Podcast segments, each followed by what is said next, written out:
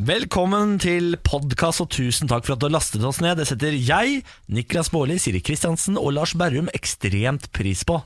Gracias. Ja. Eh, kan vi takke på flere språk? Eh, hvala. Thank you. Hvilket språk er det? Det er både kroatisk, det er bosnisk, og det er serbisk og det er Thank you, ja. engelsk. Veldig flott. Merci. Merci. Eh, fa beaucoup. eh, er bare fader, jeg kunne du Ja, på ungarsk. Eh, Custom. Custom. Custom. Det hører jeg at du uttaler feil, Rub, rub. uten å kunne ungarsk. Custom. Eh, jeg har lyst til å si Altså Vi har jo med Siri her. Uh, Siri Kristiansen skal være vikar hele uka. Absolutt. Og det er jo, blir jo veldig spennende. Ja. Det blir veldig gøy. Ja. Koselig. Er du klar for å stå opp tidlig hele uka, Siri? Det er så skikkelig spennende å få jobbe med radio. Ja, Har du gjort det før? Men eh, hvordan er det å stå opp tidlig en hel uke? Eh, det kommer til å, å gå bra, det. Ja. jeg slipper jo unna en del sånn mas og fjas eh, om morgenen der. Altså sånn pakking av sekk, smøring av matpakke, lufting av bikkje osv. Deilig å bare forlate åstedet før uh, Det har skjedd ting et drap. skjer. Ja, ja. Nå er det bare, det er bare fire dager igjen, for det er jo gjennom den verste, vil jeg påstå. Mandagen er kanskje Nei, tirsdagen er verste. Tirsdag, ja, tirsdagen er faktisk hakket verre, altså. Jeg pleier ofte å begynne høyt og så gå grad Jeg våkner jo blir, og så surner jeg utover dagen. Og sånn Ja. er det med uka. Starter Ja. høyt. Det er helt jævlig i helga. Ja, men fredagen, altså, den er jo lekende lett, så det er ikke noe problem. Så nå har du bare tirsdag, onsdag, torsdag igjen, og så er det fredag. Så er det faen meg ferie der, ja. Ja, og så det er stort- lammelårviken, ass. Stort fokus på lillelørdag på onsdager, Ja. Som har hjulpet uka veldig betraktelig å ha fokus på det. Ja, Lars har fått en helt ny onsdag etter Ja. at han oppdaget Lille Lørdag. Ja. Ja, da skal jeg overnatte i Oslo på hotell og greier. Nei, hør på deg, da! Fy Og hun er ute og flotter seg, kanskje spise litt ute La og det ta seg et glass Kanskje på biff eller litt rødvin, kanskje? Ja, biff, prøve, ja, det blir biff. Ja, det blir biff. Jeg prøver å holde meg unna, men jeg merka nå restaurant. Det blir biff. Nei, men herregud, eh, du som har lastet denne podkasten, kan kose deg. Nå får du nærmere en time, tenker jeg, med babbel. Vær så god. Morgen på Radio 1. God mandagsmorgen, og god morgen til deg, Lars Berrum. God morgen! Samantha Skogran pleier å være her sammen med oss, men hun er nå på et fly på vei til Puerto Rico for å feire bryllup. Derfor har vi hentet inn supervikar, superkvinne Siri Kristiansen. God morgen. Er jeg fast vikar nå, eller? Du er det? Det føles litt sånn. Ja, jeg syns jeg har vært der masse. Ja, det syns jeg du har vært også. Takk, jeg liker det veldig godt. Jeg liker veldig godt å ha deg her også. Hvordan står det til med deg da, Siri Kristiansen? Eh, det står bra til. Hatt en eh, festlig helg. Altså eh, full av alkohol Familie? og Nei, veldig lite familie denne Ja. helgen. Vært i 40-årslag og kost meg skikkelig. Hatt voksenhelg. Det er så koselig. Ja. Hvordan er 40-årslag egentlig? Er det, det jeg, jeg har ikke vært i mange 40-årslag, jeg. altså. Var det sant? Den sommeren jeg ble sammen med min kjæreste, som jeg nå har vært sammen med i ti år, så var vi først i 30-årsdag til en venninne av meg, og så helgen etter var vi 50-årsdag til en kamerat av han. Ja, for Så han jeg fester over hele spekteret. Det skal jeg love deg. Hvor gammel er han da? Eh, nå er han 47. 47, ja. Ja. Nå begynner snart 50-årslaget å røyne på ordentlig her. Ja, ja, han Ja. blir 48 nå om to, noen uker. Oi. Men hvordan er en 40-årsdag? Hvordan vil du beskrive den i, eh, kontra en 30-årsdag? Uh, 40-årsdag er jo morsommere, Fordi da er folk over kneika. Da er man ferdig med småbarn og begynner å kjenne på livet igjen. Sånn. Mm. Eh, Så da begynner folk å komme inn i den crazy perioden av livet sitt. Da er folk, uh, altså Det var en som hadde slampoesi der. Hva var det? Hvorfor? På? Ja, Ja, en eh, da, kvinne. Eh, så man er over i den delen av, eh, av livet hvor man helt uironisk kan lage en rapp eksempel, til vennene sine i 40-årsgalla. Man har er måte man har er gitt, gitt opp med livsgnist, på en måte. Eh, nei, man har meldt Man har eh, logget av ironialderen, og så Mm. bare går man eh, full Det er en sånn danskebåten-stemning, på en måte. All ironi er borte. Bare go veldig sånn god stemning. Ja. Det er, Det er bra. Det er det jeg mente med gitt opp. det var det jeg mente med gitt opp. Det gøy, for det, fordi av dere som er i den bobla og nærmer dere den bobla, så fremstår det veldig digg sikkert. For alle Ja. oss andre galskap. Ja, det Fullstendig gøy. galskap. Du da, Lars, har du kosa deg i helgen? Ja, jeg har vært i bursdag, siste bursdagsdel av eh, noe som og var opp mot en måneds bursdagsfeiring, eller i hvert fall tre uker til kjæresten min. Det ja, det greiene der har vært helt galskap. Ja, det har vært galskap, altså.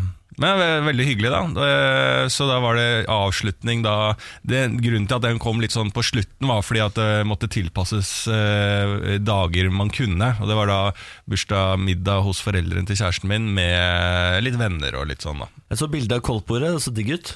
Ja, det var eh, når, det, når eh, bosnere eh, eh, liksom varter opp til fest og middag og sånn, så er det jo da eh, så å si liksom et sånn lakseoppdrett eh, i antall eh, fisketing. Eh, og så er det en bondegård i forhold til kjøtt. Ja. Så det er veldig mye Alle skal med.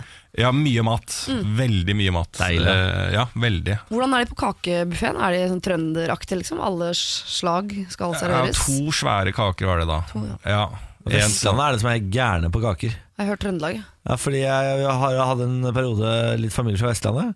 Var i konfirmasjon der borte, og de er, faen, de er gæ... Altså, det var 30 kaker. ja, Han må kake- skjerpe seg på kakebuffé, Det var helt ravende sinnssykt. Ja, jeg har slekt fra Bergen og Strilerandet, jeg òg. Eh, Kake og kaffe. Ja. Altså, det går jo kake og kaffe. Alltid. Jeg føler det er mye på arbeidsplasser òg. Kake og kaffe. Det sånn, og der, men det er blitt sånn, eh, i hvert fall der så var det sånn, blitt sånn konkurranse internt i bygda nesten, hvem som har flest kaker til eh, kakebordet. Mm. Så man skulle gjerne ha liksom over 30, år. hver familie skulle ha med seg i hvert fall tre kaker hver. og sånn. Helt galskap. Det er så mange bryllup hvor eh, For det første så orker man jo nesten ikke kaker i bryllup, for da har man sittet til bords og spist så lenge, så da vil man bare videre til, til barn, på en måte. Og så hører man da om folk som de må fryse ned kaker. Ja. Mange år etterpå så er fryseren full av forskjellige uh, Kvæfjordkaka ligger der, suksessterta ligger der, alt Men det det der. er sånn, Liksom. det er på grunn av at du kanskje er litt sånn som meg, at det ikke er kanskje noe sånn helt sånn dessertmenneske, eller har plass til det? Er det det? Ja, jeg skulle ønske jeg kunne svare ja på det, men Ja. eh, Ja, jeg er veldig glad i Jeg har venner som er, uansett om man er på et bryllup eller fest der de har spist lang middag, mye middag, og, så, og drukket alkohol i tillegg, og så ha plass til liksom tre-fire kakestykker. Jeg, jeg, jeg fatter Det ikke, jeg greier ikke det. men jeg er på ditt lag her, Lars. Er det det? Ja, ja, jeg, jeg spiser ikke kaker. Men jeg, det er aldri at jeg savner sånn Åh, har dere ikke kakebuffé her? Åh. Ja. Men når det står en kakebuffé der, da blir jeg som et barn i en sant? gratis Ja. eh, lekebutikk. Selv om ha, du skal liksom. Men går det utover da alkoholen og festen videre på en eller annen måte? Det må jo gjøre det. Det kan ikke bare ikke bli bemerka i kroppen. Det ser ut som Altså, en marsipanlakk over festen, si. Ja. faktisk, men når du har 6-7 kilo suksessterte eh, som eh, beveger seg sakte gjennom timesystemet, så har man jo lyst til å sitte mer Ja. enn man har lyst til å danse. for Ja. Ja. Jeg, altså jeg, hvis jeg finner den herligste buffé, som jeg ofte gjør når jeg er ute og reiser Jeg er jo en av de som syns god buffé er bra. Ja. God buffé er veldig bra, men jeg rører aldri dessertbordet, nesten. Så også når jeg er på sånne svære konferansemiddager som på hotell. Aldri eh, Er dessert. Ja, for en setning å si 0608. Når jeg er Altså, Konferansehoteller? Businessmann Niklas Jeg tror- jeg- jeg- jeg Jeg, tror du har ikke fullført videre engang. Jeg tror jeg har glemt at jeg har jobba åtte år i NRK, og der er det mye konferanse. Det er mye konferanse i NRK. Men hva har du gjort i helga? Du, jeg har starta fredagen på 30-årslag, tror jeg. Var det 30-årslag? Det var i hvert fall en svær bursdag. Mm. Ja, du hadde jo en eh, sinnssyk helg for ja, eh, endte på altså, så rampefylla som jeg aldri har uh, vært på, tror jeg. Altså, det var helt Vi måtte gå flere ganger fra utestedet. Uh, kjæresten min han var som et barn når jeg skulle hjem. Så jeg måtte passe på Han måtte føres gjennom alle etapper liksom? av Ja, ja. Helt hinsides full. Ja, for Jeg trodde han var omsorgspersonen. Nei, nei, han sto og sov inne på Del de Luca. Altså, det var helt Uff, jeg har sett han sånn en gang før, og da da, slo vi opp og ble sammen, og slo opp og ble sammen to ganger i løpet av en kveld. og Sånn. Ja. Det var en av de For du kveldene. unner ikke han å bli så full, det er det bare liksom du som får lov til. Og jeg unner han å bli så, Ja. Jeg syns det er gøy, men uh, han syns ikke det er så gøy å være kjæreste når han er så full. Nei. Og at noen passer på han, det skal han i hvert fall ikke han ha. Så, men noen må jo Det gjøre det. Så, Uh, så det var lørdagen. Fredagen skulle jeg altså Nei, det var fredagen. Lørdagen skulle jeg også ut i bursdagsfest, men jeg kom altså ikke ut av senga før klokka var fem på ettermiddagen. Nei. Nei. Så det ble ikke noe av den fest nummer to. For det Oi. var sånn dagsfest. Oi, og så ja. skulle hun bevege seg videre i landet. Å, skulle du til Jonas? Ja, skulle til Jonas. Felles venner, vet du. Ja. Eh, så det rakk jeg rett og slett ikke. Eh, men søndag den ble, gikk med i eh, svigerfamiliens tegn, så vi der var ute og spiste middag og greier. Så det har vært eh, for så vidt en ålreit helg, altså. Ja. Men tenkte- litt overtenning på fredag som ødela egentlig planen på lørdag. Ja, jeg hadde overtenning. Fullstendig overtenning på Ja. fredagen. Eh, men det var en veldig, veldig veldig gøy fest. Ja. Var, jeg dansa til og med. Var på utested hvor eh, folk som kunne danse, var til stede. Oi, Eh, ikke, en del, ikke en del av vår gjeng, men det var en sånn gjeng borti hjørnet som åpenbart var dansere. Som tok over dansegulvet eh, og lagde dansering og sånn. var så irriterende. Eh, ja, men når du er full nok, så blir det sånn å herregud, så imponerende. Ja. det er jo gratis show, da. Det er jo et, eh, en forestilling du ikke har kjøpt billetter til. Så er føler man at nå er vi i Ja, ja. utlandet, liksom. Men Hadde jeg vært tre drinker unna, så hadde jeg hata det. Men jeg hadde heldigvis bikka over og syntes dette var kjempe, kjempestas. Ja. Så det var min fredag. Gøy fest. Ja. Men da er vi alle ferdig festa, klare for eh, mandagen. Morgen på Radio 1. Jon Arne Riise røyket med vilje fra 71 grader nord. Han sa han var Er det mulig? Jeg så på ham. Gjorde du det? Hva som skjedde der, da? Ja, han var jo en konkurranse som, eh, som gagna han.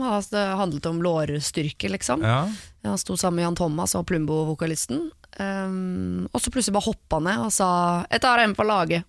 Så han tok en for laget. ja vel. For han mente at de uh, var mer motivert enn han osv. Ja, ja, ja, jeg tror han bare prøvde å være sånn raus og smart, for du så det i øynene hans ganske fort etterpå at han angra. Tenkte Var det noe vits, ja? Jeg tror han angra. Eller han sier at han angra, og når han sto på flyplassen, så angra han. Han Ja. savna gjengen sin. Men alle gråt, da.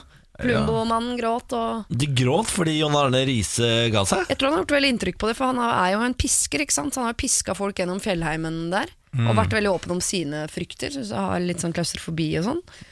Så Altså, han det har holdt veldig- på så lenge, det 71 grader nord? Ja, han har vært veldig motiverende. Så for hvert fall han Plumbo-mannen Unnskyld at jeg ikke vet hva du heter. Hvis du hører på Lars. Ja, Lars Ivar eh, et eller annet? Et eller annet, Plumbo-mannen. Noe dobbeltnavn Um, og etternavn? da? Ja.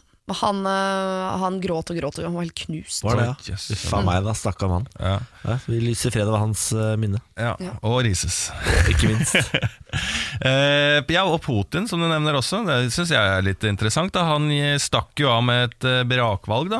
Gratulerer til Putin. Ja, gratulerer. Eh, det var jo da 76% av stemmene. Eh, Det er tror mye, jeg, ass. sånn, eh, før Den endelige tellinga har kanskje ikke kommet opp ennå, men han eh, dro i gang med det og har vært allerede rundt i landet og ropt 'Russland, Russland, Russland' sammen med velgere. Og på internasjonal presse når de sa 'skal de gjøre om grunnloven', eh, litt sånn kinesisk stil, for det har jo Kina nettopp gjort. De gjort om grunnloven slik at eh, den nye presidenten kan sitte så lenge han vil, altså hele livet. Fordi at han kinesiske presidenten eh, er jo på en måte den, the, the special one. Absolutt. Og har jo gått inn hardt og bekjempa korrupsjon i alle ledd og sparka den ene etter den andre og rydda opp noe så inn i helvete. Eh, ja, ja, så jeg tenker liksom sånn når det først skal være mm, litt sånn diktaturisk eh, nedover, eller bortover, eh, så syns jeg det også er eh, veldig fint at de går for en sånn fyr, da. Sammenligner du flere- Russland med han der Xi Jinping nå? Hva sa du? Sammenligner vi Putin med Xi Jinping jeg sammenligner ikke, jeg sa jeg kom en liten digresjon i forhold til eh, Kina også på Ja, det leddet. Fordi ja. at eh, nå var det spørsmål fra internasjonal presse om eh, Putin også kommer til å endre grunnloven, eh, slik at han kan sitte livet ut. Og da svarte han bare smilende ja, jeg syns ikke jeg burde sitte til jeg blir 100. Hvor lenge kan han sitte hvis han ikke endrer? Det var en miss på. Han har jo sittet så lenge nå at jeg Ja, trodde kanskje ikke det fantes noen regel om hvor Ja, men- man kunne sitte. Jo, men Da må han være på valg hver gang, da, sånn som nå. Ikke sant? Det er jo et valg. Og han skal foreslå det. Jeg bare- sitter til noen andre øh, ber meg om noe annet. Ja, Vi gidder eh, ikke å velge og sånn. Nei, så nå er det jo liksom dette valget her, så nå skal han vel sitte da, det blir vel seks nye år. Jeg har jo sittet i 18 år nå, tror jeg. Såpass, ja? Begynner å bli, det, altså, begynner å bli jeg- varm i rollen. Ja, så begynner du å få erfaring. Ja. Jeg så eh, NRK.no var ute og skrev en sånn Urix forklaresak på at det var lavere valgdeltakelse noen gang, som kan være starten på misnøye mot Putin. Det kan liksom være første tegn da, på misnøye mot Putin internt i landet, at, han, at det er eh, fallende valgdeltakelse. Ja. Eh, litt vanskelig å ha den overskriften, føler jeg, når det er 76% av stemmene som fortsatt går til Putin. Ja, og tredjeplass var vel en sånn ultranasjonalist, altså en som går eh, en, altså langt ut på sida der. Eh, så, og eh, den eneste fra opposisjonen fikk ikke lov til å delta. Ikke fordi han ikke fikk lov, men han ble tilfeldigvis tatt i noe svindlesak. da. Ja. Tilfeldigvis. Det er rart med det der. Det er rart med det der. Vi har jo i dette radioprogrammet bestilt godteri fra Tyskland eh, tidligere som et prosjekt. Vi bestilte for 450 kroner, eh, og så skjønte vi ikke hvordan vi unngikk moms og toll og sånn. Eh, Det har jeg nå skjønt, fordi jeg har, etter vi gjorde dette, har jeg, jeg får ikke noen annen reklame på internett nå enn denne nettbutikken. Ja. Eh, altså i hele, og jeg er jo en fyr som prøver å styre vekt, og prøver å gå ned i vekt. At denne reklamen dukker opp hvert våkne sekund, er et problem for meg. Så i går så endte jeg opp med å bestille eh, fem brett med brus. Ny, Lettbrus, eller? Godt og blanda. 50-50. Ja. Hvorfor, liksom? Nei, det er jo Kan ikke når sitte man og si at du har lyst til å gå ned i vekt, og så bestille Nei, men brett til problemet er når jeg sitter og får denne reklamen døgnet rundt Ja, du er et offer. så, ja, det, er- jeg er absolutt et offer. Ja. så, så klarer ikke jeg, og jeg innser det selv, at jeg har ikke selvbeherskelse nok til å i lengden si nei. Det er litt Nei, gøy at nei, nei. Vi, vi bestilte for å uh, snike oss unna sukkeravgiften, for jeg er veldig uenig i den. Ja. Og så ender du opp uh, ved at du har bestilt som et resultat av hva en sukkeravgift Ja. skal på en måte være. Der du får da billig sukker i reklame, og ender opp med å bestille uh, ukritisk. Jeg er på en måte beviset på at den sukkeravgiften kanskje ikke er så dum. så nå gleder jeg meg til å gå opp disse ti kiloene jeg har gått ned. Ja, du ser veldig bra ut nå. Takk for det, da. Takk for det. Herregud, Ida, du. Men Mer, mer. selv om øh, vi alle har hatt en veldig sånn festlig helg, vært øh, med mye øh, bursdager på oss alle mann, så lurer jeg på om dere også har hatt tid til å tenke litt på andre. Eh, Det virker som hele Norge for øvrig har gitt penger til Soldiers of Are og Odin. De har nå over 11 millioner kroner har klart å samle inn i løpet av helga, tror jeg. Det har aldri vært samla inn så mye penger altså til Leger uten grenser siden den katastrofen i Tahiti. Altså det, det jordskjelvet. Ja. Alle gir. gir. Har dere gitt? Moxnes som øh, starta ballen, var det det? Nei, Ja, det var- Moxnes og hun derre Det er bare brukt bilde av Moxnes. Grunnen til at uh, Moxnes får lov til å prege kampanjen, er fordi han starta mistillitsforslaget mot Lucy Listhaug. Så er det en uh, dame fra grasrotdame som har tenkt at da fortjener Moxnes sin egen innsamlingsaksjon, så hun som privatperson har starta med bilde av Moxnes. Okay. Ja, Camilla Ahamat heter hun. Hun og en som heter Sjur K. Almsgaard har startet denne innsamlingsaksjonen. Og de har altså samlet inn helt vilt mye penger. Ja, Ja. 11 mil. Men folk har jo ikke noe problem med å gi penger til gode formål her i landet, som jo er kjempebra. Ja. Eh, det er bare litt rart at Soldiers of Are og Odin skal få så Feil mye, skal få så mye krydd for dette her. Dette radioprogrammet på P1. Ja. Ja. Det Men er- også er det jo et veldig rart navn også, for når man hører det, så tenker man at det er en nynazistinnsamling eller et eller annet. Absolutt. Ja, Man skjønner at det er en eh, ironisk tittel spilt på eh, Odins soldater. Ja. Ja, Det er ikke alle som er helt oppe på ironien. Altså. Nei, det er ikke det, nei. Jeg tipper det er noen som har gitt penger og fått tenkt sånn Å, er det noen som skal rydde landet for drit, ja? Ja, men de fleste av de 11 millionene har sett eh, hva de går til, tror du ikke? Antagelig. Men har dere gitt, er mitt spørsmål. Nei, og i så fall måte. har dere lagt ut på Facebook etterpå at dere har gitt. Nei, Det er jo veldig veldig mange som gjør, og da blir jeg alltid litt sånn i bakhevet. Men jeg s- sa det faktisk på tampen til eh, kjæresten min, i, snakka, vi snakka om det. Det må jeg gi til. Så Ja. den, akkurat den kampanjen skal jeg på en måte være med på. Eh, litt sånn symbolsk, da. Rett og slett. Ja. kommer du til å legge det ut på Facebook? Jeg Nei, har det tror jeg faktisk ikke, altså. Ja, det syns jeg du burde, Lars, sånn at alle får det med seg. Hvis ikke så er det ikke noe vits, tenker jeg. Morgen på Radio 1. Har det sprengt i Austin igjen. Har det sprengt i Austin? Ja. Ja, bom, ja, pakkebomba? Ja. Fader, altså. Una Bomber. Som ikke er Una Bomber, men det har jo vært da en greie som har foregått i Texas nå i det siste, der det er kommet eh, bomber i posten. Eh, Så det er eh, folk eh, tar opp eh, posten sin, så er det pakke, og så går man inn, og så sprenger det, da, rett og slett. Og Her har det jo vært, eh, vært en eh, rekke hendelser, og det, de det har ramma, har vært på en måte folk med minoritetsbakgrunn, så man har kanskje tenkt at dette er hatkriminalitet. Ja. Eh, nå er det to menn i 20-årene som har blitt skadd i en eksplosjon i Austin. Da. Eh, og Ifølge lokale myndigheter så er da årsaken eksplosjon. Eh, og hva som er årsaken til eksplosjonen er foreløpig ukjent. Da. Så denne her saken er jo ikke helt eh, Kan det settes i tilknytning til denne bombemannen nede i Texas, eller kan det ikke? Det vet man ikke helt ennå. Eller kvinnen. Bombekvinnen. Det kan hende, det også. Ja, ja, ja. Det hadde, vært, det hadde vært forfriskende om det viste seg å være bombekvinnen, faktisk. Det hadde vært det. Er Men var de to mennene var de uh, altså Nei, det er det, vi, ja, vi vet ikke ennå det. Vet ikke det, Så det eller det, er, det- vet jo folk, eh, men det har ikke kommet ut Men, ennå.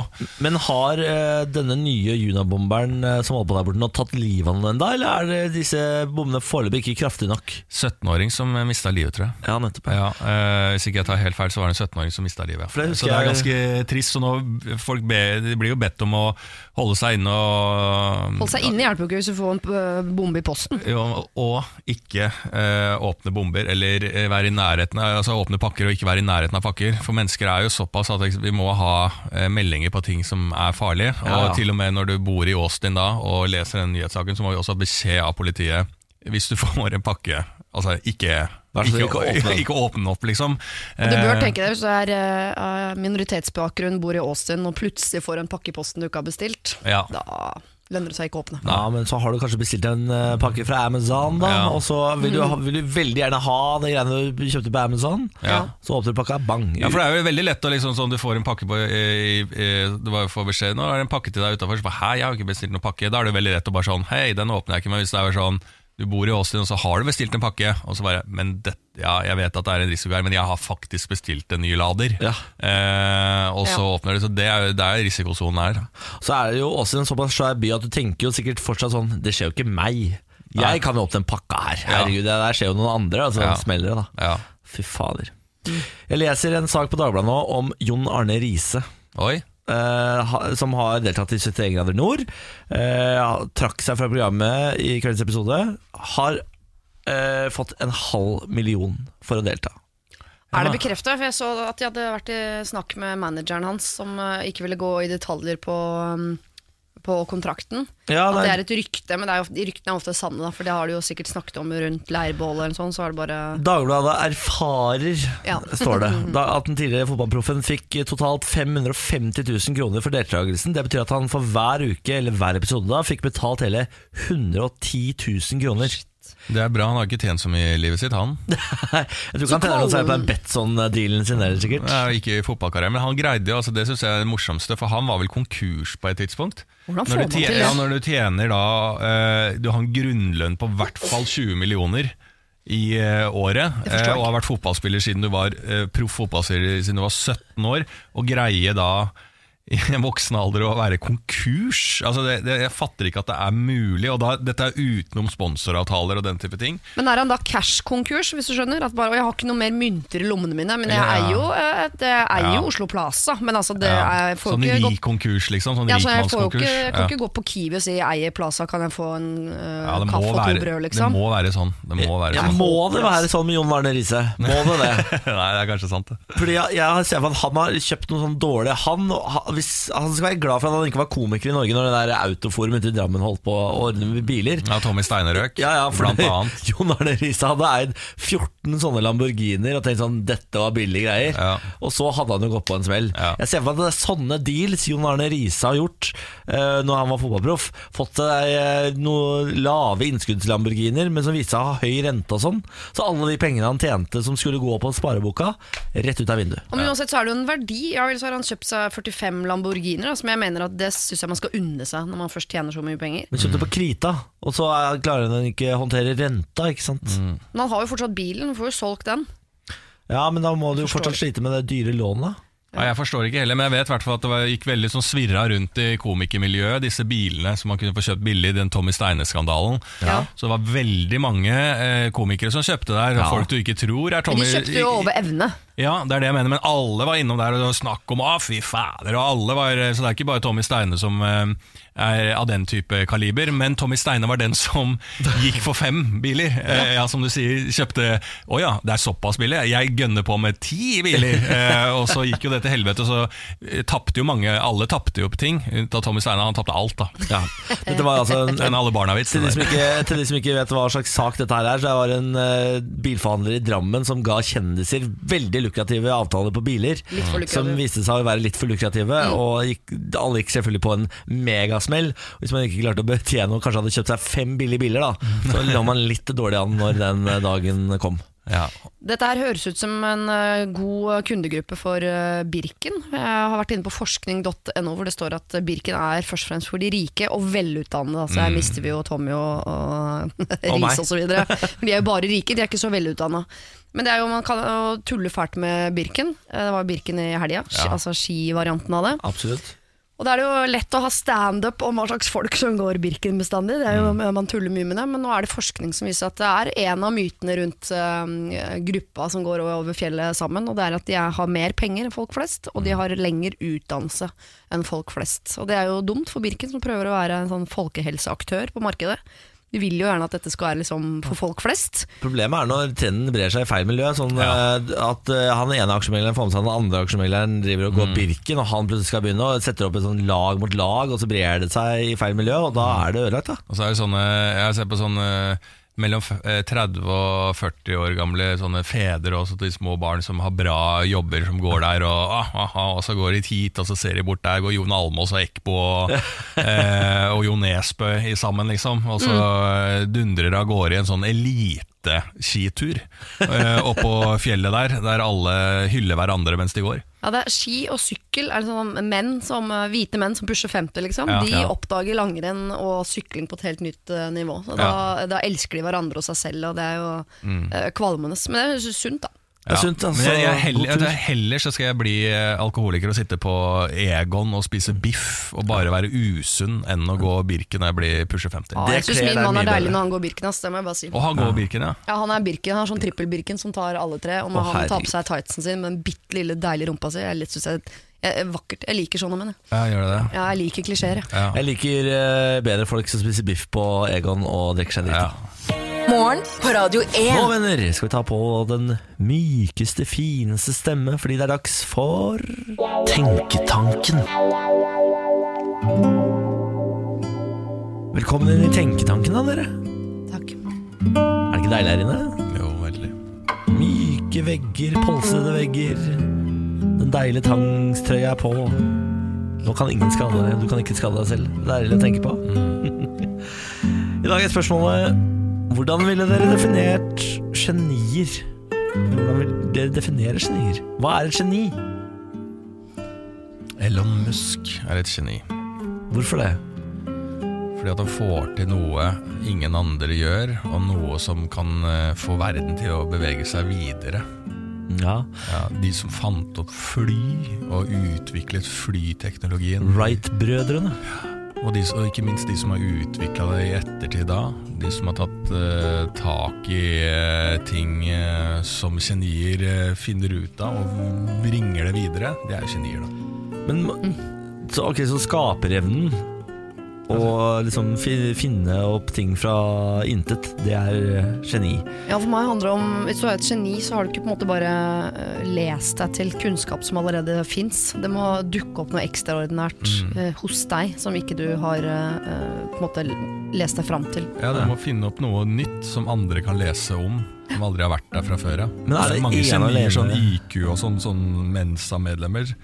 De som er sånn smarte, er jo ofte bare jobber i en bar eller uh, sitter og kuler'n, liksom. Det er jo, da spiller det ikke noen rolle om du er smart, det kaller jeg ikke geni. Ok, Så du kan ha svimlende høy IQ, men ikke ha skapt noe. Da er du fortsatt ikke et geni. Ja, Da har du, da har du kasta bort noe du fikk i gave til å utvikle menneskeheten. Det er få som fikk den gaven. Stephen Hawking, da. Ja, Et geni. Han, så han skapte vel sint ikke noe sånn han, som man tenker på Han skapte jo ikke fly, eller, altså, han har jo en teori om ting, men han har vel ikke skapt noe liksom, utover teori. Jeg er ikke helt med på den skaper. Jeg mener at man også kan være et emosjonelt geni.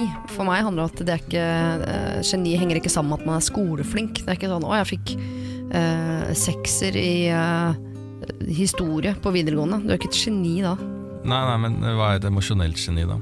Og da forstår du ting intuitivt som ikke alle andre Ting andre må lære, bare forstår du. Menneskelig sinn.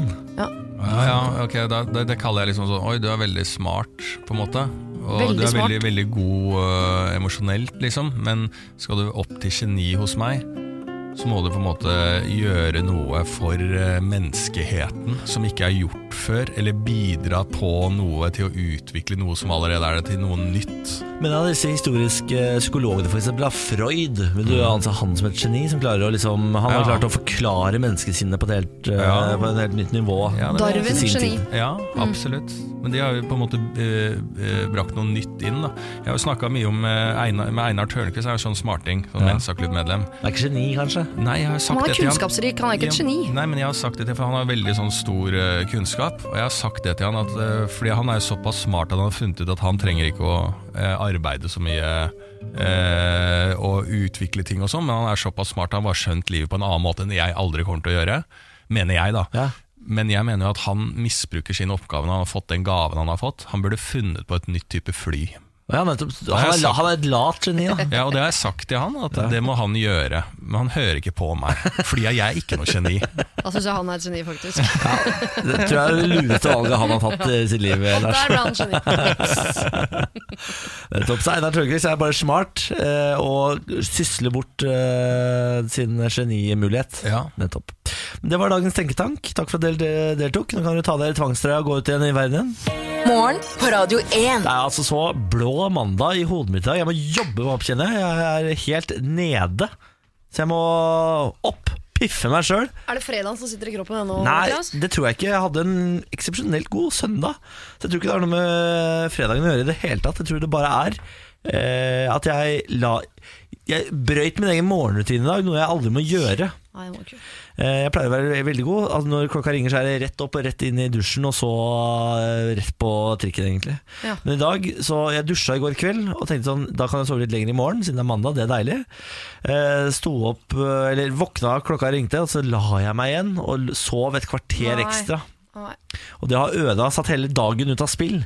Ja. Så jeg, eh, jeg finner ikke rytmen, men nå skal jeg tvinge meg selv inn i rytmen. Har jeg akkurat satt på. Hvis jeg er helt stille, så kanskje man hører det på radioen. Men jeg har satt på en ny kanne kaffe. Skal jeg drikke den? Hele? Sk- eh, Minst. Kan jeg få en kopp? kanskje, hvis du er snill. Eh, og så skal jeg havne helt der oppe på en terningkast seks. Opp fra denne terningkast tre jeg er på nå. Eh, Jeg drev og følte på noe i helga, eh, som egentlig vår produsent Kristin er egentlig veldig sånn flink til å få meg til å føle. En slags skyldfølelse. Oi. Eh, som hun, som hun gjør, Så koselig, Kristin. Ja. God egenskap. ja, som hun gjør egentlig kanskje ubevisst, men Kristin er jo eh, en spreking i form av at hun hele tida drar på hyttetur og går på ski. Ja, Det er riktig. Det er Ja. Jævla irriterende hvor mye hun drar på ski, faktisk. Ikke sant? Akkurat, og det er den setningen der som gjør, har truffet meg også. Veldig irriterende. Ja. Eh, og det er jo ikke, hun gjør jo ikke noe gærent, Neida. men det er jo ekstremt irriterende å ha en person som kommer med en sekk og tursko og løper ut av sending for hun skal eh, catche noe god snø og eh, gå på langrenn. Ja. For jeg har ennå ikke vært på langrenn i vinter. Og det har jo vært tidenes vinter, alt er så Ja, bra. ja, ja. Siri Kristiansen, du er også litt sånn irriterende person. Bare sånn 'Å, nå står jeg alpint, og nå står jeg det', og jeg Oppdaget alpint i voksen alder, ja. Ja, ja, ja, bare- ganger har jeg alpint! tok med meg både tok med 16 barn og lokføreren på 70 år og, og bikkja og 15 doodles ut i skauen og gikk og hadde med appelsin til alle, og alt går sånn. Ja, jeg har en kjæreste, vi har ikke barn, vi har ingenting, vi har all frihet i livet. Vi kommer oss faen ikke ut i en skiløype, Her liksom. er vi like, Lars. Her er vi like. Og det er jo ganske irriterende. Ikke det at jeg ikke går på langrenn, det bør gå fint, men at jeg lar meg lokke over til å la eh, At, det, at dere påvirker meg. Ikke sant? Det er mitt eh, på en måte kroppspress. da Ja, for det burde Eh, være er det en- motiverende mer enn Nei, eh, ja, men Er det. TV-program i fremtida for oss som uh, har gått på en smell fordi at alle andre går på ski? Du skal ha en podkast om et til. halvt år, du, Lars. Ja. Hvor du snakker ut om dette her. Ja, jeg skal det. Med Peder Kjøs som sånn guide. Ja, ja, ja. ja fordi jeg, det, eh, jeg har faktisk litt sånn dårlig samvittighet uh, med at jeg må altså Jeg tenker ofte på det. Jeg må få gått én tur i vinter siden det har vært så bra vinter. Og så bare sånn, egentlig, hvorfor det? Når jeg ikke, når jeg ikke er keen på å gå på det eh, langrenn, så Har ikke du kjøpt sånne dritdyre felleski? da? Jeg ikke, ikke dritdyre, men jeg kjøpte ski i fjor. Ja. Vanlige ski på XXL. Ja. eh, Standard billig. greier, liksom. Og om jeg kjøpte smørefri, nei. For det sto en idiot på XXL og sa sånn Nei, må ikke ha smørefri. Det er litt sånn, hele sjarmen er jo smøre. Det er ikke sjarm. Nei, nei, det er det jeg sier. Da, hvis jeg hadde hatt sånn der eh, smørefri, så hadde jeg kanskje kommet meg opp på en tur. Men Ja. nå, nå er du enda lenger unna, selv om skiene og skiskoene står der. Så er det bare sånn Å ja, vi må innom en butikk og kjøpe smøring. Jeg syns ikke du skal stresse med det der, eh, Lars, fordi øh, den, den delen av livet ramler man jo inn i den dagen man får seg barn eller bikkje. Eh, Så er, det- det er ikke sånn at jeg har lyst til å sprette opp hver søndag og gå på tur, men øh, nå har jeg gjort det så mange år fordi fordi liksom omstendighetene krever det. Og så har jeg lært meg å bli glad i det på sikt. Ja, men, Ja, men du skjønner barna ikke dine trenger må ikke peses ut i skauen, må du det? Jo, men der du har litt dårlig samvittighet fordi en du jobber sammen med går på langrenn, så Ja. får du ganske dårlig samvittighet når uh, ungen din sitter sånn uh, blå under øynene og ser på iPad fordi mor ikke gidder å stå opp og fortelle han at sola skinner, liksom. Jeg må bare beskrive fredagen for meg, for jeg hadde akkurat samme opplevelse som deg. Fredagen for oss var Vi var slitne på sending. Vi hadde blå ringer under øynene. Så har vi Christ, eh, vår produsent Kristin, som jobber kanskje dobbelt så mye som oss. Som er her like tidlig som oss. Så eh, når vi er ferdig på sending, så sier hun sånn jeg, 'Jeg må gå, for jeg skal rekke bussen til en hytte jeg har leid, og stå på ski'. Og til alle lyttere, hvis du prøver å sånn. tenke på hvor eh, Kristin er fra, så er den dialekten helt ute å sykle. Eh, Så det er ikke vits å prøve engang. Jeg er Men fra Sogndal. Oi, oi, oi. ja, da er det jo deilig for meg at jeg skal følge opp med bygge opp under denne myten om at uh, vi driver med så mye sånn friskusvirksomhet. For jeg skal uh, i dag i svømmehallen med dattera mi. Som jo er um, Jeg er veldig veldig glad i svømmehall i utgangspunktet fordi jeg elsker å bade. Jeg er mye under vann, syns det er gøy å stupe og hoppe og dykke og de tingene der. Alltid vært glad i det. Det jeg ikke er så glad i, og som man skulle tro at man vokste fra når man kom i alderen jeg i faen-alderen, eh, er jo garderobevirksomheten. Eh, og i dag skal jeg jo da på svømming med datteren sammen med alle de andre jentene på datteren min sin alder, og mødrene deres. Eh, hadde det vært mye fedre, så hadde det vært greit, for de går jo da stort sett i en annen garderobe.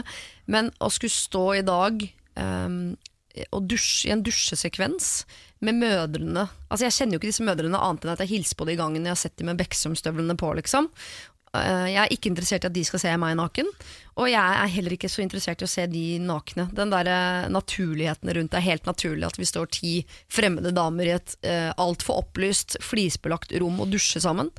Jeg får meg ikke til å synes at det er naturlig.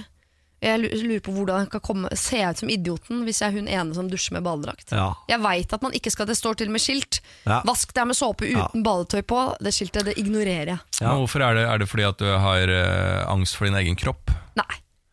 Men det er fordi det er en unaturlig situasjon. Ja. Jeg skjønner det veldig godt. Jeg driver jo og svømmer om dagen. Svømmer, sier du? Svømmer? Ja, ja, jeg svømmer om dagen. Eh, Svømmer, Jeg er fra Østfold. jeg. Er fra som Østfold. Dusjer du etter det? Dusjer både før og etter. Du går hjem og spiser. Og da har jeg Da har jeg samme problem som deg, Fordi det er veldig unaturlig å skulle kle seg naken foran ukjente mennesker, eh, eller kjente mennesker. Ja, for Helt ukjente er noe greit nok. Hvis du har kreti og pleti på Tøyenbadet, liksom, er noe greit nok. Ja, det er men, er på. men det er verre med de som du er vant til å se rett inn i øynene hver eneste morgen Nei, med boblejakka på. og. Plutselig er vi nakne.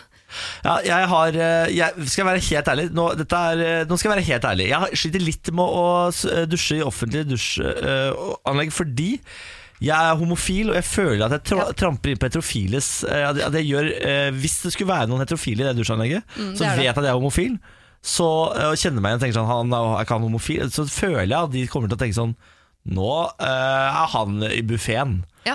og la meg bare gjøre det klinkende klart Det er ingen buffet å stå eh, i en fellesdusj Man blir jo stort sett skuffa når man ser folk eh, nakne. Men jeg må bare skyte ned at jeg har vært på mye på Tøyenbadet i min oppvekst. Og jeg, jeg møtte en mann i garderoben, eh, jentegarderoben, som nektet å være i guttegarderoben nettopp fordi han var homofil. Så han satt sammen med meg i badstuen, for han turte ikke å være i guttegarderoben fordi han var homofil. Det er sånn jeg gjør også i mine yngre dager. Jeg var alltid i jentegarderoben og sa at jeg, er homofil. Ja, det er altså en helt oppriktig skikkelig ekkel og litt sånn eh, sår eh, drittfølelse. Ja. Eh, Jeg håper man en dag deler opp så alle får sin private garderobe. enig. Ja. Helt enig. Så I, det- I Norge i 2017, det må man faen meg få lov til å Ja, jeg synes det er helt ja, og, og, og meg heterofil, Ja. å ha en homofil inni fellesdusjen, er jo helt forferdelig. Ja, det Ikke sant? For jeg, jeg, du bare er keen på meg, vet du. Du er bare keen på meg. Jeg ser det på øya. Det er bare keen på deg. Du må si sånn Jeg 'Niklas, jeg vet du er homofil, ikke se på den nydelige kroppen min'. Pro- Problemet er vel at jeg sikler med sånn eh, erigert penis. Den er vanskelig å skjule. Veldig vanskelig å skjule.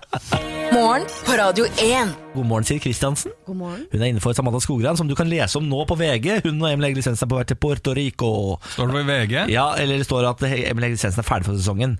Og så er det bilde av henne og Emil. Ai, Ja, ja, ja, For en kjendis vi har med i det programmet. Jeg veit det. Hun er altså så celebr. Ja, ja, ja, ja. Du må finne Jeg skal begynne å lekke litt sånn private ting om hunden. Ja. Til Se og Hør kan man, får man ikke 10 000 penger der ennå. Jøss, ja. jeg. 10 000. Jøss, så jeg sitter på Se og Hør, hvis du hører på, så sitter jeg på en del sånn private ting som kan Jeg vet ikke om de kan trykke det, men kan brukes imot Samantha for Ja. å få andre opplysninger. Da, til hun stiller opp på ting. Hun skal snart gifte seg, så dere kan jo få bryllupet hennes hvis dere presser henne riktig. ikke sant? Ja, En, vi skriver denne saken med mindre vi får lov til å dekke bryllupet deres. ja. Det så jeg sånn, sånn Weinstein-dokumentar i går, på hele det fallet hans. Og Der var det en sånn eh, gossip-journalist som sa det at det er sånn hele bransjen fungerer. Du har noe på en, en sak, og hvis, så får du sånn Vi trykker denne saken om, ti minutter, eh, om en time hvis du ikke har noe annet du kan gi oss. Ikke sant? Og så må man gi noe annet. Ikke sant? Sånn fungerer den bransjen.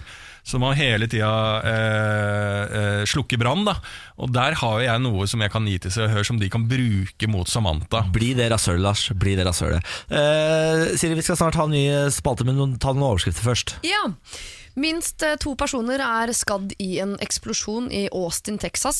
Seks franskmenn er savnet ved fjellet Kebnekaise i Sverige, og Jon Arne Riise røyk ut med vilje fra 71 grad nord. Han savnet kone og barn. Men han tjente en halv mill. da på disse ukene sine. Er det lov å le når man tar sånne nyhetsoppdateringer? At, uh, Legger en liten sånn Jon Arne Riise røyk ut med vilje. Ja, men gikk, Eller gikk ikke du også ut av uh, akkurat samme program på samme samme Dette måte? handler ikke om meg. det ja, da, for da kan ikke du sitte og le da. Jeg savna kona og ungene til Jon Arne Riise.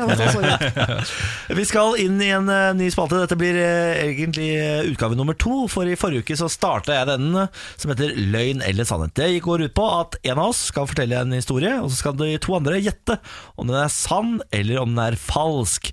I dag er det Lars sin tur til å fortelle historie. Ja, og jeg er jo da, eh, eller jeg er ikke, jeg var eh, på landslaget i karate en gang i tida. Ja. Jeg var en god karateutøver. Det er en-. Det er sannhet. Dette er sannhet. Ja. Eh, og farta litt rundt i overalt, egentlig nesten hver helg, og eh, konkurrerte. Og var både med i VM og EM-er og det ene og det andre. Eh, Ikke OL. Nei, det er ikke OL-gren, men det blir det det, nå. Jeg tror det blir i 2022 eller et eller annet sånt, så skal det faktisk bli OL-gren. Det tror er på tide. Det er på tide. Mm, ja. Så de har gjort veldig mye med sporten for å bli OL-gren.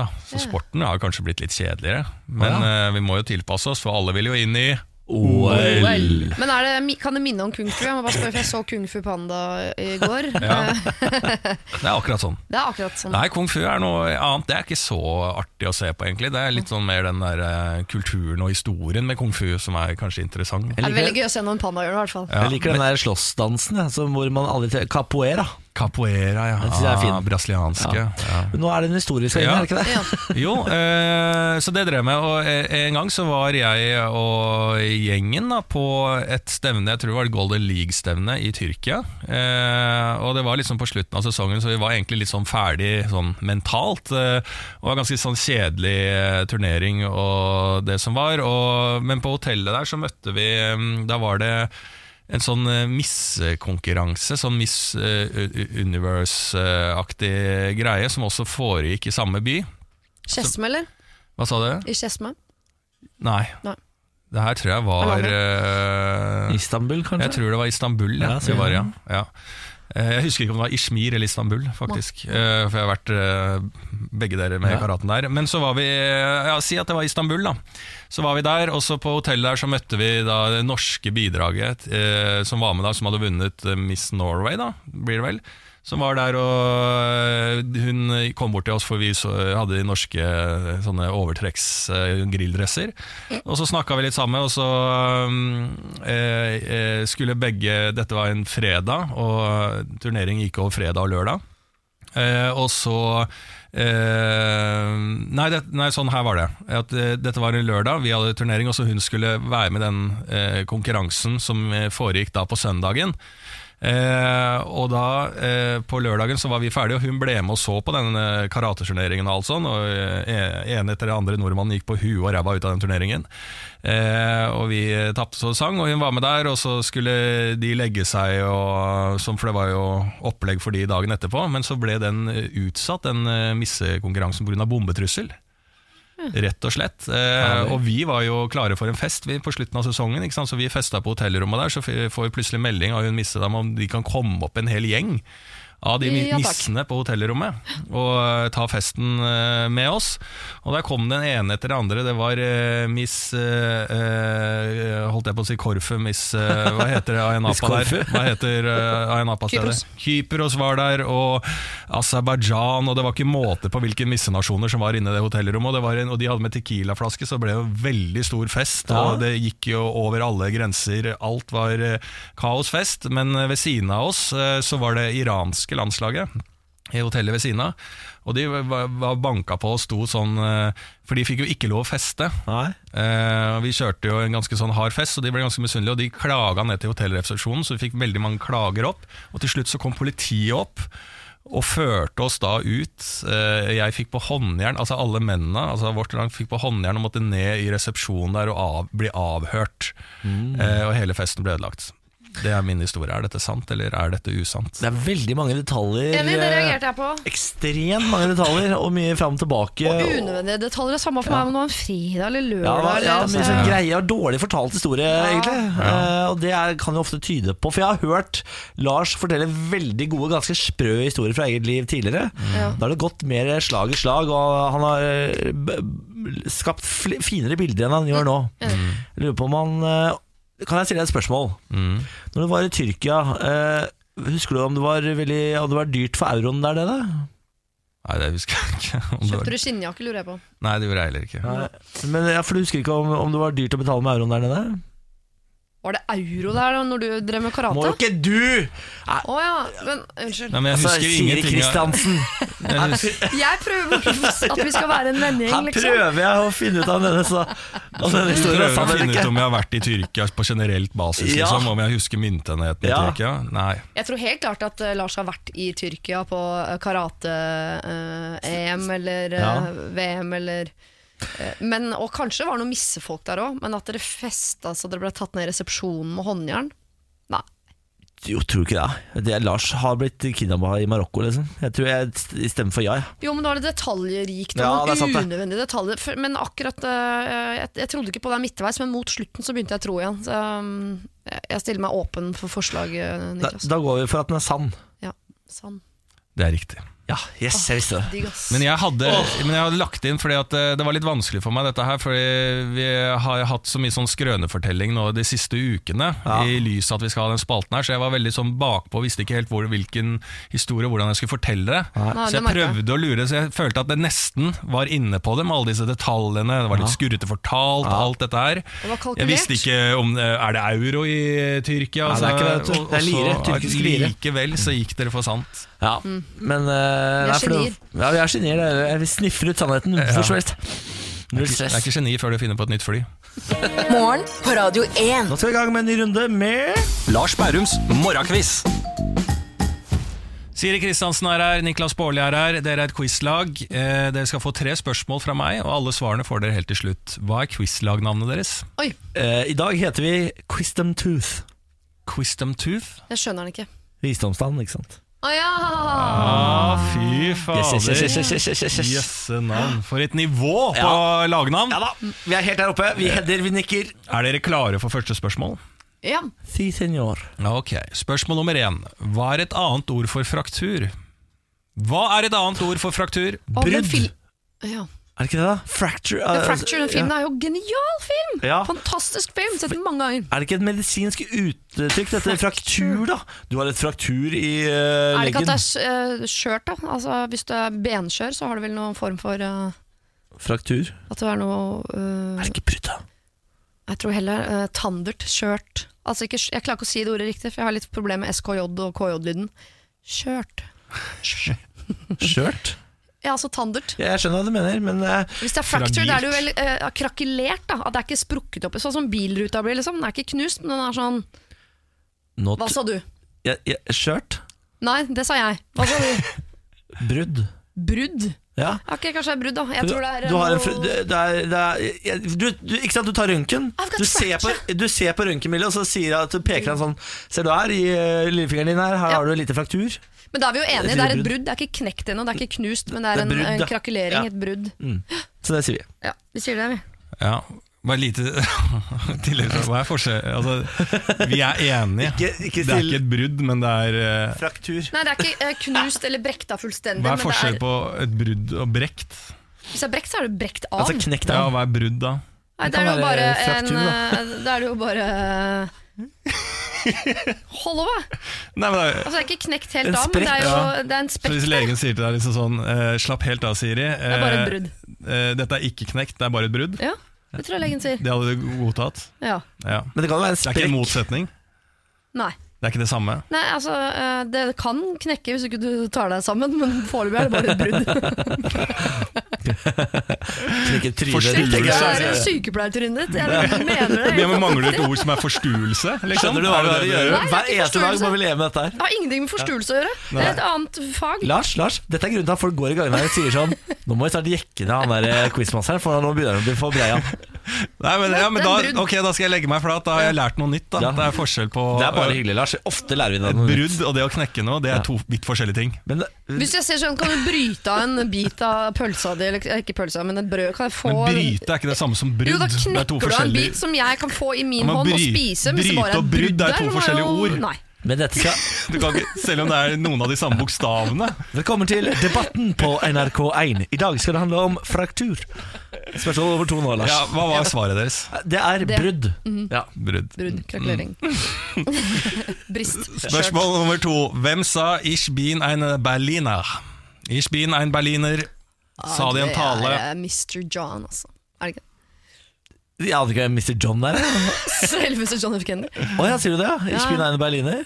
Å, det er flaut hvis det er fælt, for at jeg Jeg pleier hadde lyst til å svare David Hasselhoff. av en eller annen Nei. grunn, da. Jeg pleier å si at jeg kan alt om John F. Kennedy, men jeg kan mest om selve attentatet. Og det har jo ikke Ja. noe med den setningen å Var det man sist han tror sa jo det før han er, man døde? tror jo det er han med det fødselsmerket oppå hodet, ikke sant? Han, ja. Som står med en sko i hånda som han egentlig aldri holdt. Er- Var det Jeltsin eller et eller annet? Boris Jeltsin. Ja, man tror det er han, så er det ikke det. For det var at Vet du han hva? hadde vært på besøk, og så sa John F. Kennedy etterpå. Ja.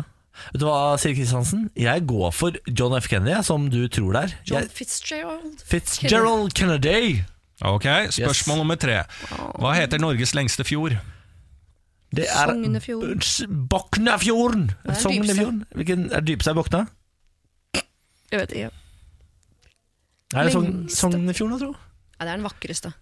Ja, men kan det være både lengst og Er det en av disse litt mindre kjente fjordene som man uh, ikke hører så mye om, fordi det ikke er noe Tom Cruise i ved fjellveggene og sånn? Mjøndalsfjorden. Mjøndalsfjorden. ja.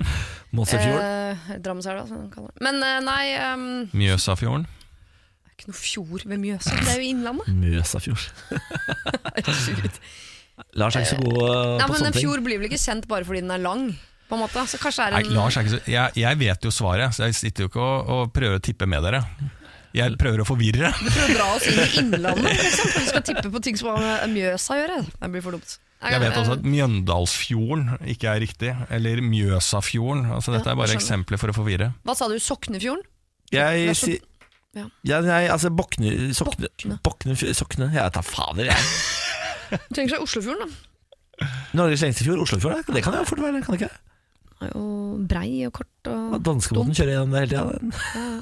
Lang, lang, lang. lang. Ja, Ja, nei, nå er det, akkurat her er vi ganske dårlige, men vi sier Sognefjorden siden det er det første du kom på. Sier vi Soknefjorden? Nei, Sognefjorden.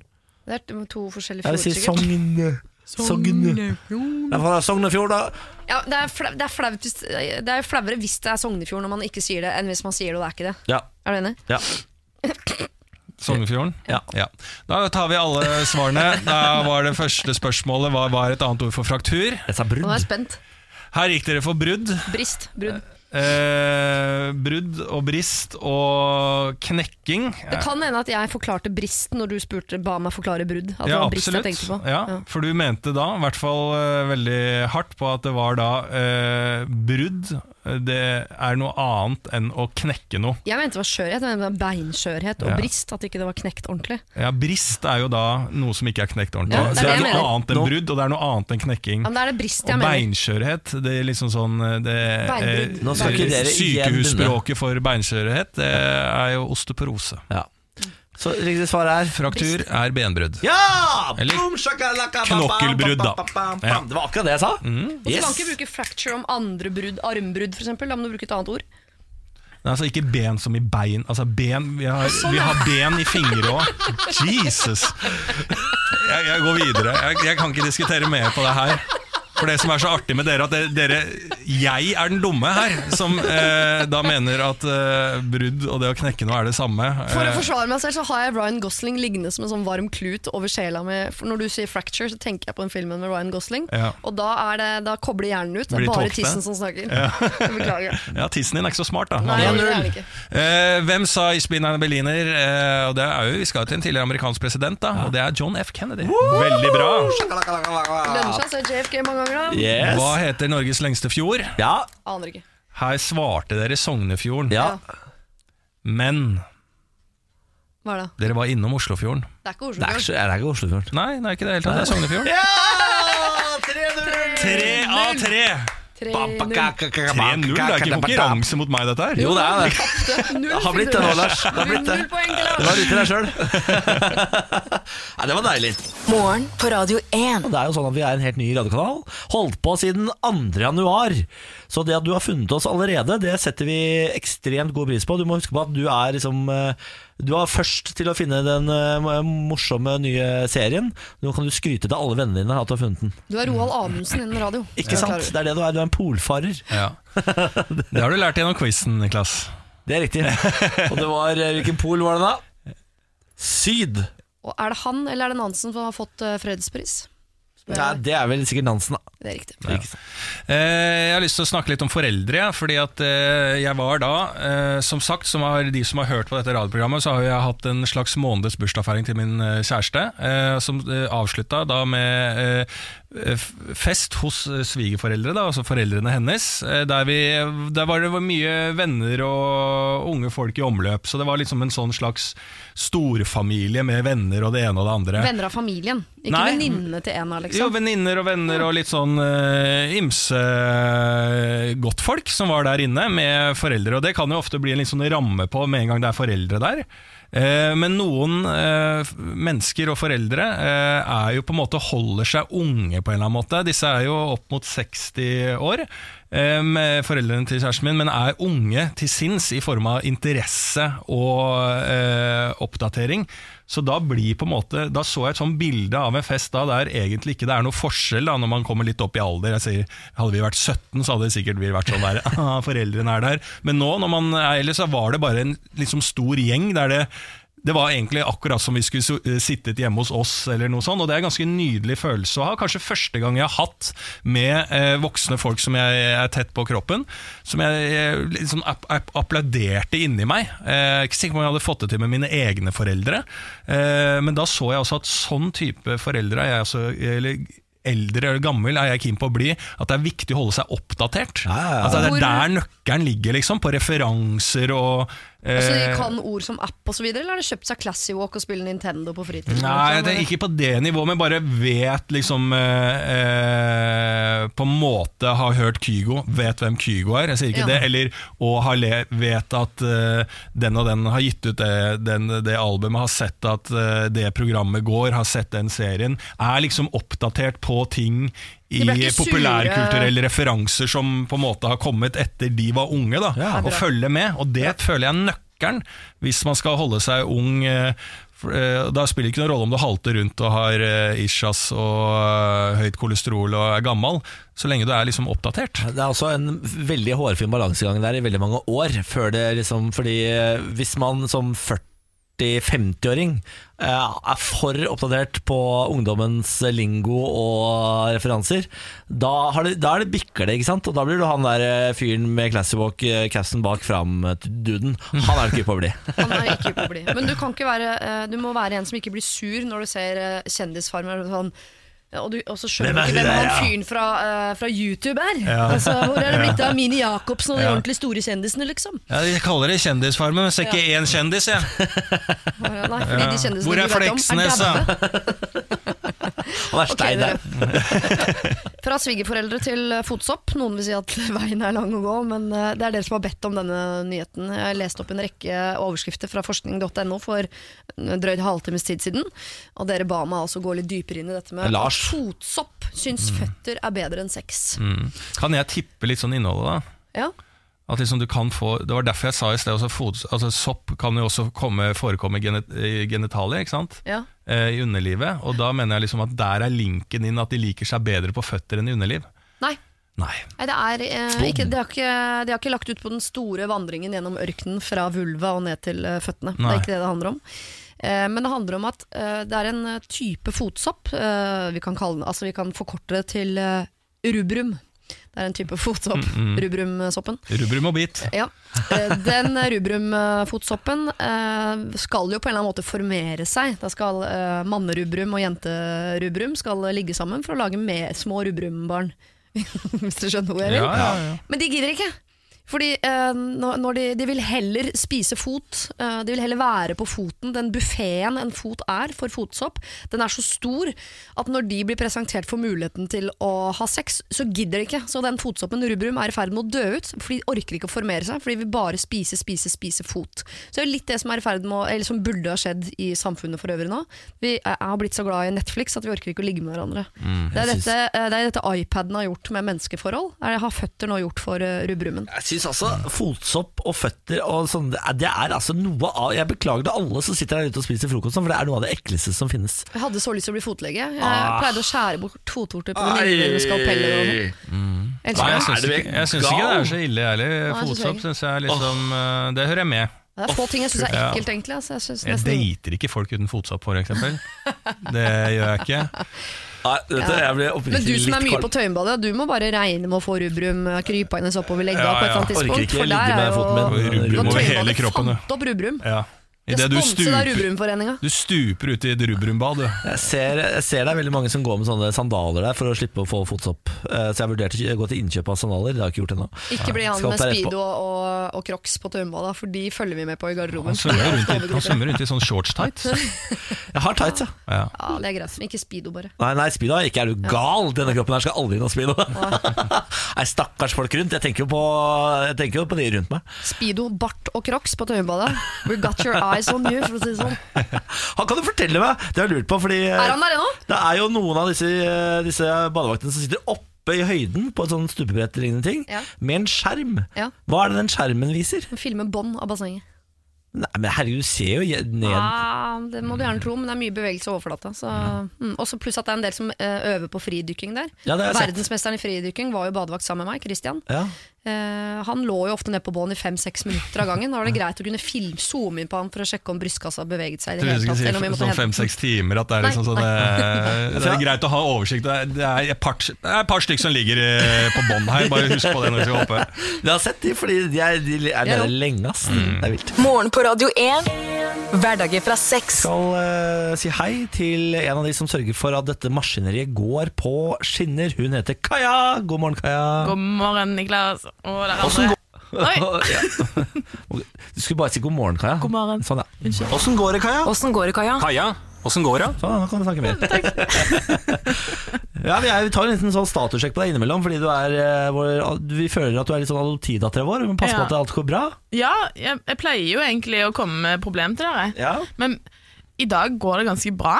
Altså sånn. Nå går det ganske Kommer bra. du med løsninger til oss? Ja, nå kommer vi med løsninger. Nei, men jeg har eh, ganske koll på livet mitt akkurat nå. Først det av alt har du på deg en høyhalsa kjole. Er det det jeg ser? Ja, Er det moteekspert eh, Lars Berrum på Nei, men det? Det er jo et nytt plagg jeg ikke har sett eh, Jeg tror det er før. ull òg. Det er Høyhalsa ull- ullkjole. Høyhalsa ullkjole. Det må være lov å henge seg uten at man Absolutt. blir kalt en fasjonista. Det er bare ren fascinasjon for selve plagget. La meg, la meg gjøre det helt klart. Jeg kalte deg ikke fasjonista. Det er, det er, kalte du deg sjøl. Ja, hva har du kalt meg da? Moteekspert kalte jeg deg. Motepoliti? Moteekspert og fasjonista. Det er, ok, jeg tar imot moteekspert. Ja. Men så spennende plagg. Takk, Ja, jeg har fått det. Har du det? Ja. Ah, kult. Ja. Hva syns du, Siri? Du har ikke uttalt om det. Syns jeg? Ok, Det er fint for meg å vite. Da kan jeg gå mer med denne. Men det jeg egentlig lurer litt på, er fordi at nå går det så bra i livet mitt at jeg um, går rundt og bare er redd for at korthuset skal rase. Fordi i helgen sluttet jeg med snus, og jeg har klart det i to dager. Jeg har trent tre ganger denne uken. Ja. Denne Oi. uken, og det er bare mandag. Det er jo veldig ja, bra. Uke syk, uke syk, og jeg skal, denne- og så skal jeg på date. Altså sånn, Jeg mestrer livet mitt. Gi deg, du, og Men nå er jeg bare redd for sånn okay. Tinder-date? Hvem skal du på date med? Hva heter han? Nei, da får ikke vite det. Er han det er ikke skikkelig digg, eller er han bare smart? Eller Jeg vil ikke snakke om det. Hvor gammel er han, da? Ah, Ja, hvor gammel er han, Ikke velt dette korthuset nå. nei, ikke velt korthuset nå. La meg bare ha det litt privat. Ja, det skal du få lov til. Så, så bra, Kaja. Ja.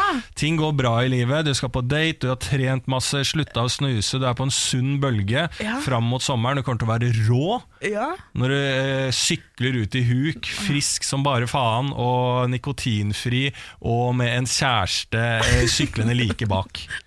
Men jeg bare, nå går jeg bare rundt og venter på smellen. Ja. Ja.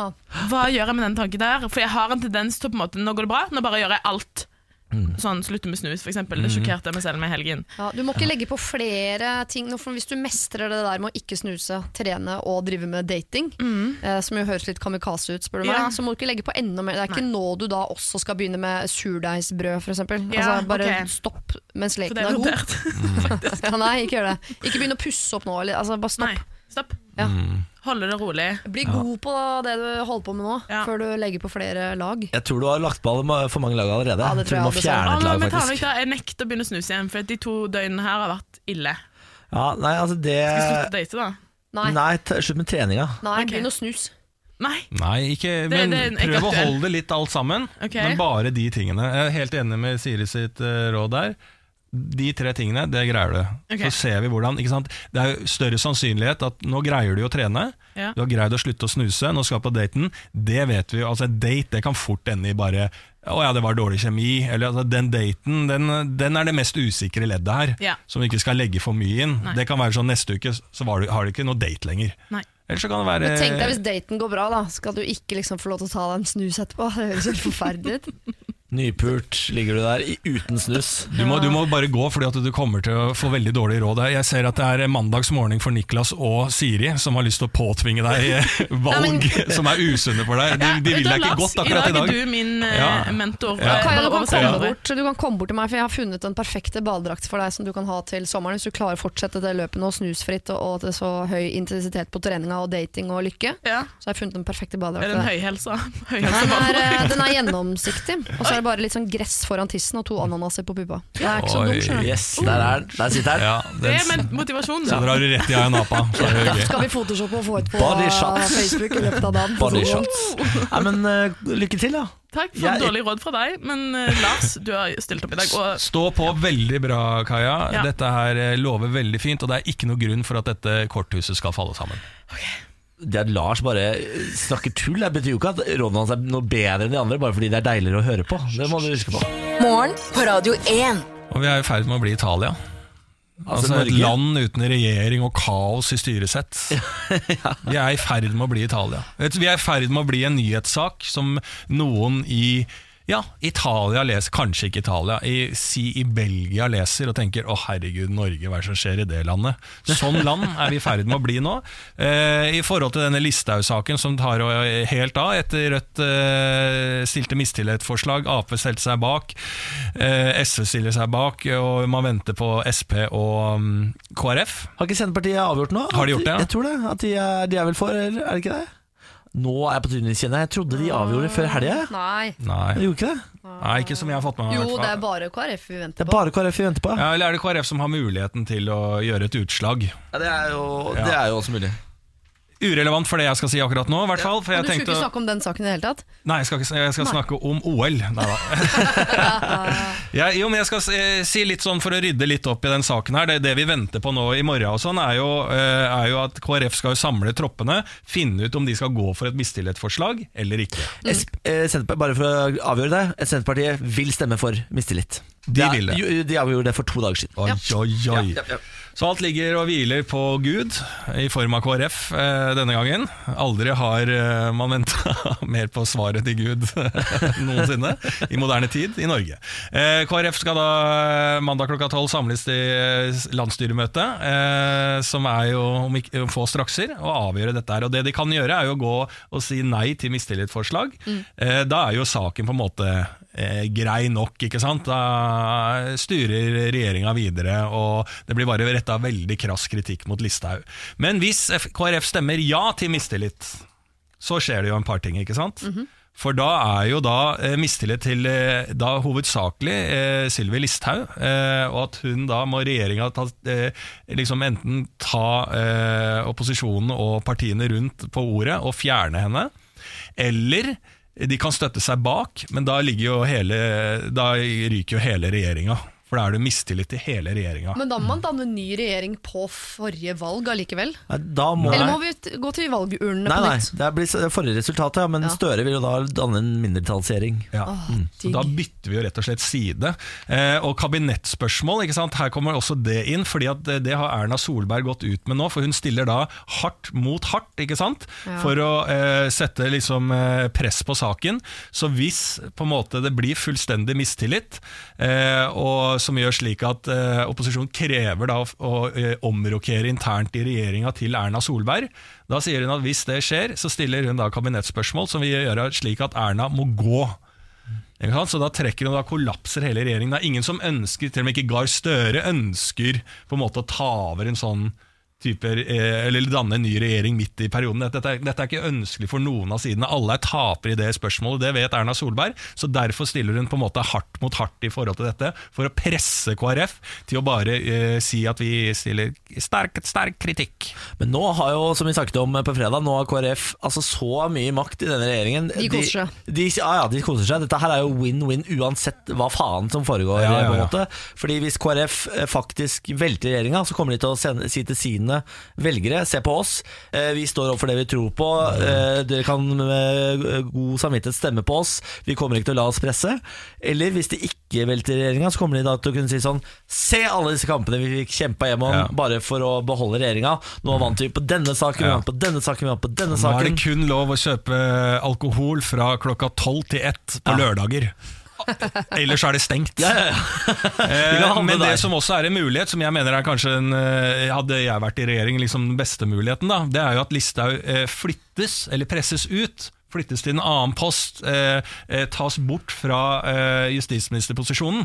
Eh, For da vil jo eh, Ap og flere andre trekke tilbake det Og jeg så de godtar at hun er minister, men ikke for eh, Altså hun må bli en annen Nei, fordi at minister. eh, Det de ikke har tillit til, er at Listhaug gjør det hun gjorde som justisminister. Ja, Men har ikke er Erna sagt at det, det godtar ikke hun, for hun vil vel ikke at opposisjonen skal bestemme hvem som er hvilke type minister i sin regjering? Nei, men, det, inn, nei, hun men hun kunne gjort her. det frivillig som et, på en måte et utslag fra denne skandalen da Listhaug eh, satte i gang. At eh, ok, da fjerner vi deg, nå har det vært for mye trøbbel.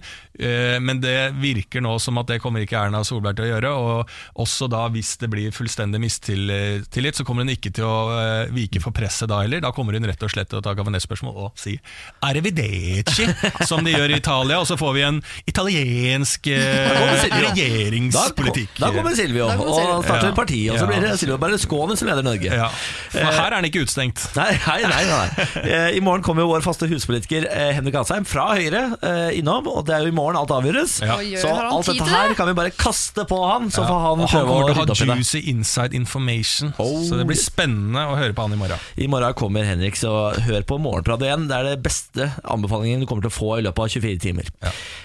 Jeg driver og ser på vennene mine reise verden rundt for tiden, og eh, er i ferd med å gå inn i en personlig krise. Ja. Jeg har alltid tenkt sånn Jeg har aldri vært russ fordi jeg fullførte ikke videregående. Levde fint med det. Jeg tenkte sånn Det trenger jeg ikke. Russetiden trenger jeg ikke. Og det gjorde jeg heller ikke. Jeg følte aldri på noe savn eh, ved å ikke ha vært på russetid og sånn. Eh, studerte aldri, så jeg hadde aldri den studentperioden. Eh, og følte egentlig aldri på noe savn overfor det heller. Men så har alle de eh, folka som da har studert ferdig, nå begynt å reise jorda rundt. Og ta et sabbatår. De tar et sabbatår. Og, og det varer jo da i tre til seks måneder ish, og gjerne lenger enn det òg. Og så sitter jeg nå og ser på alle vennene mine reise jorda rundt eh, via Instagram og tenker sånn Jeg går glipp av livet. Har dere selv hatt sabbatår?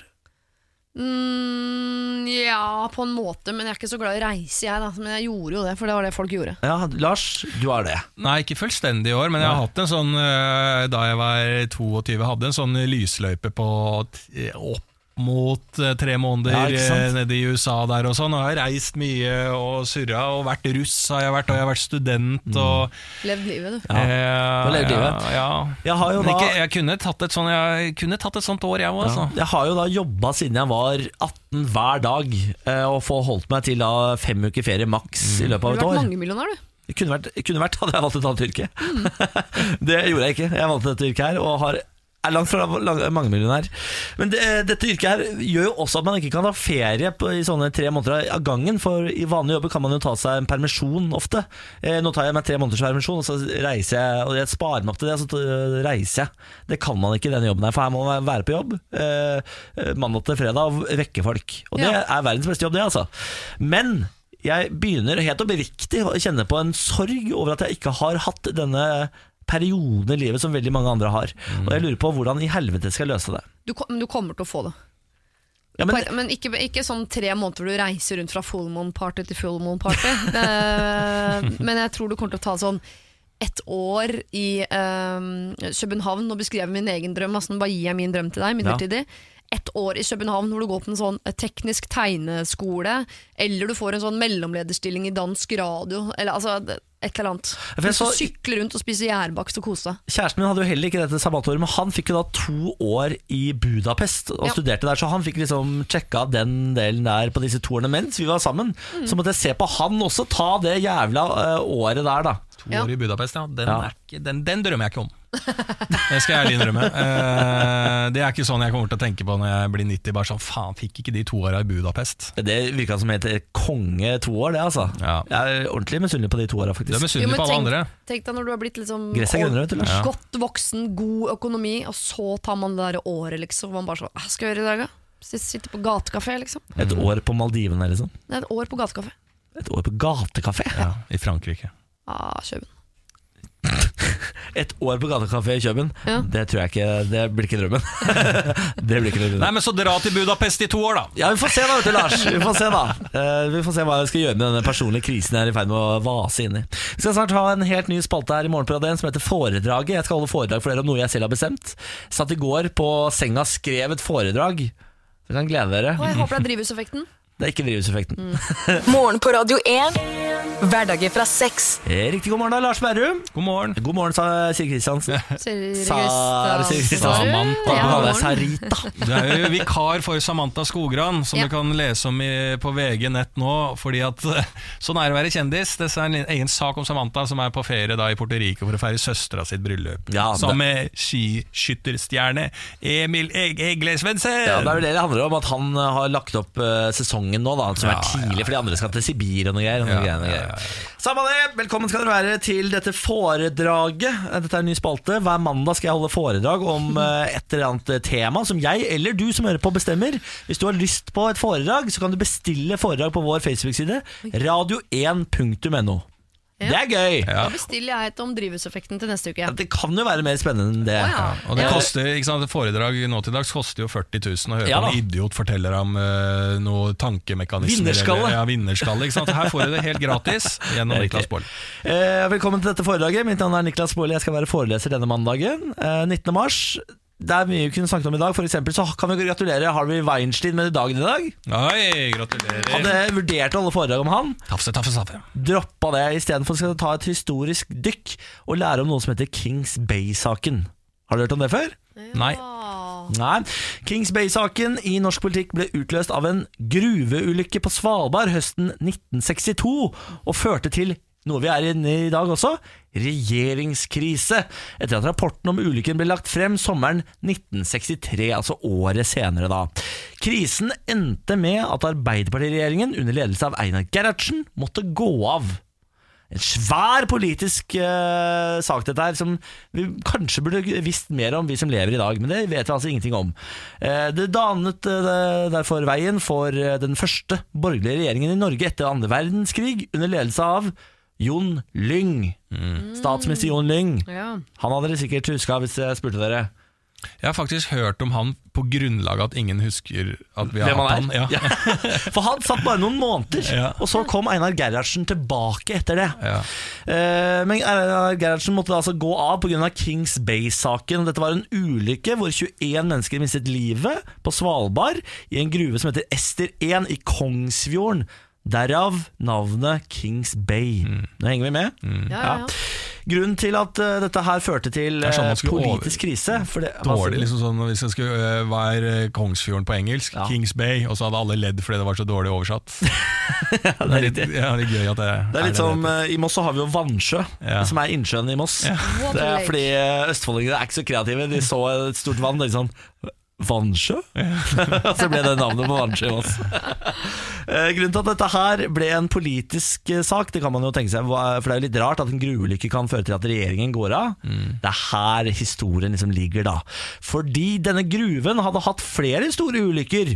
I 1948, 1952 og 1953. Til sammen hadde 43 mennesker mistet livet. Herregud. Og så hadde man hatt en sånn undersøkelse av gruven hvor eh, rapporten ble denne gruven er ikke trygg. Men Gerhardsen trengte penger til å bygge landet etter krigen, og sa vi fortsetter å ha gruvevirksomhet. Og dermed så ble altså han ansvarlig da oh. For denne ulykken hvor 21 mennesker mistet livet når det eksploderte i gruven pga. metangass. Men hvorfor fikk han komme tilbake etter at Lyng hadde sittet tre måneder? La han seg flat, eller eh, beklaget han at folk følte seg, eh, ble såret over at noen døde, eller hvordan fikste han det? Nå syns jeg det er vanskelig at du stiller såpass Nei, men det er jo, eh, det er jo vår, vår liksom Churchill, for Churchill gikk jo også greit på trynet under første verdenskrig. Liksom førte mange mange tusen i døden, ikke sant? Og så Ja. kom han tilbake og ble en helt under andre verdenskrig. Dette er, eh, litt, Hvis vi tar det litt mindre, da, så er det Gerhardsen.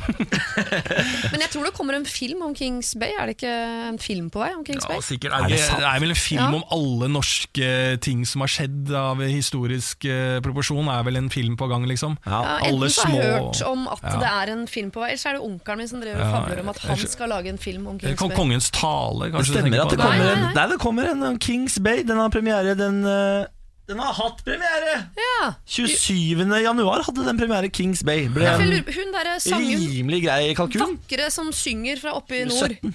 Kyrkjebø? Nei, hun er eh, ja, hun, Eldre. Ser ut som hun er 19, men hun er 60, liksom. ja, den er- hun, Hun eh, spiller noe etterforsker. ah, Hva heter hun, da? Ja, Hun 27. evig sensuelle. Evig sensuell, ja. Kari Bremnes. Kari Bremnes, ja. Bremnes, ja. Ja, Kari Bremnes spiller den. Hun spiller en rolle i den Ja, da, og den eh, hadde premiere for et år siden, den Å, ja. 27. januar i 2017. Ja. Så jeg tror ikke Det det ble noen stor som- suksess, dette her. Nei, det er sånne ting som er greit å ha med når du har et foredrag om Kings Bay. da Ja. Men det er bare til neste foredrag, Ja, Niklas. det beklager jeg, legger meg flat på det. Men det var mye annet gode fakta der. Da, at jeg har Visste lært masse. ingenting om Kings Bay. Ja, nå veit du masse om Kings Bay. Jeg gjør det. Bare hyggelig, det. Ja. Vær så god. Jon Lund, var det han het? Lyng. Men det er ikke noe lyng. Fins ikke en Lyng-konvensjon? Lyng. Jon Blund i regjeringa. Ja, du kan eh, bestille et nytt foredrag til neste mandag på vår Facebook-side radio1.no. Morgen på Radio 1. Rub, rub, rub, Rubrum. rub, rub, Rubrum. rub, rub. Det var podkasten. Ja, Rubrun. Ja. Ja, fotsopp. Fotsopp. Åh, nasty shit. Nasty. Ja. Nasty Jeg woman. syns ikke det er naturlig. Det er naturlig. Det kommer og går. Jeg har aldri hatt fotsopp, jeg. Jeg unner alle fotsopp. Har du hatt fotsopp, Kristin? Masse. Dette var eh, vår eh, produsent Kristin, som eh, har ekstreme mengder fotsopp og går på ski hele tiden. Og hun er singel. Og hun er singel, så her er bare å oppsøke henne. Hun er absolutt. Yes. Fotsopp i alle sosiale medier.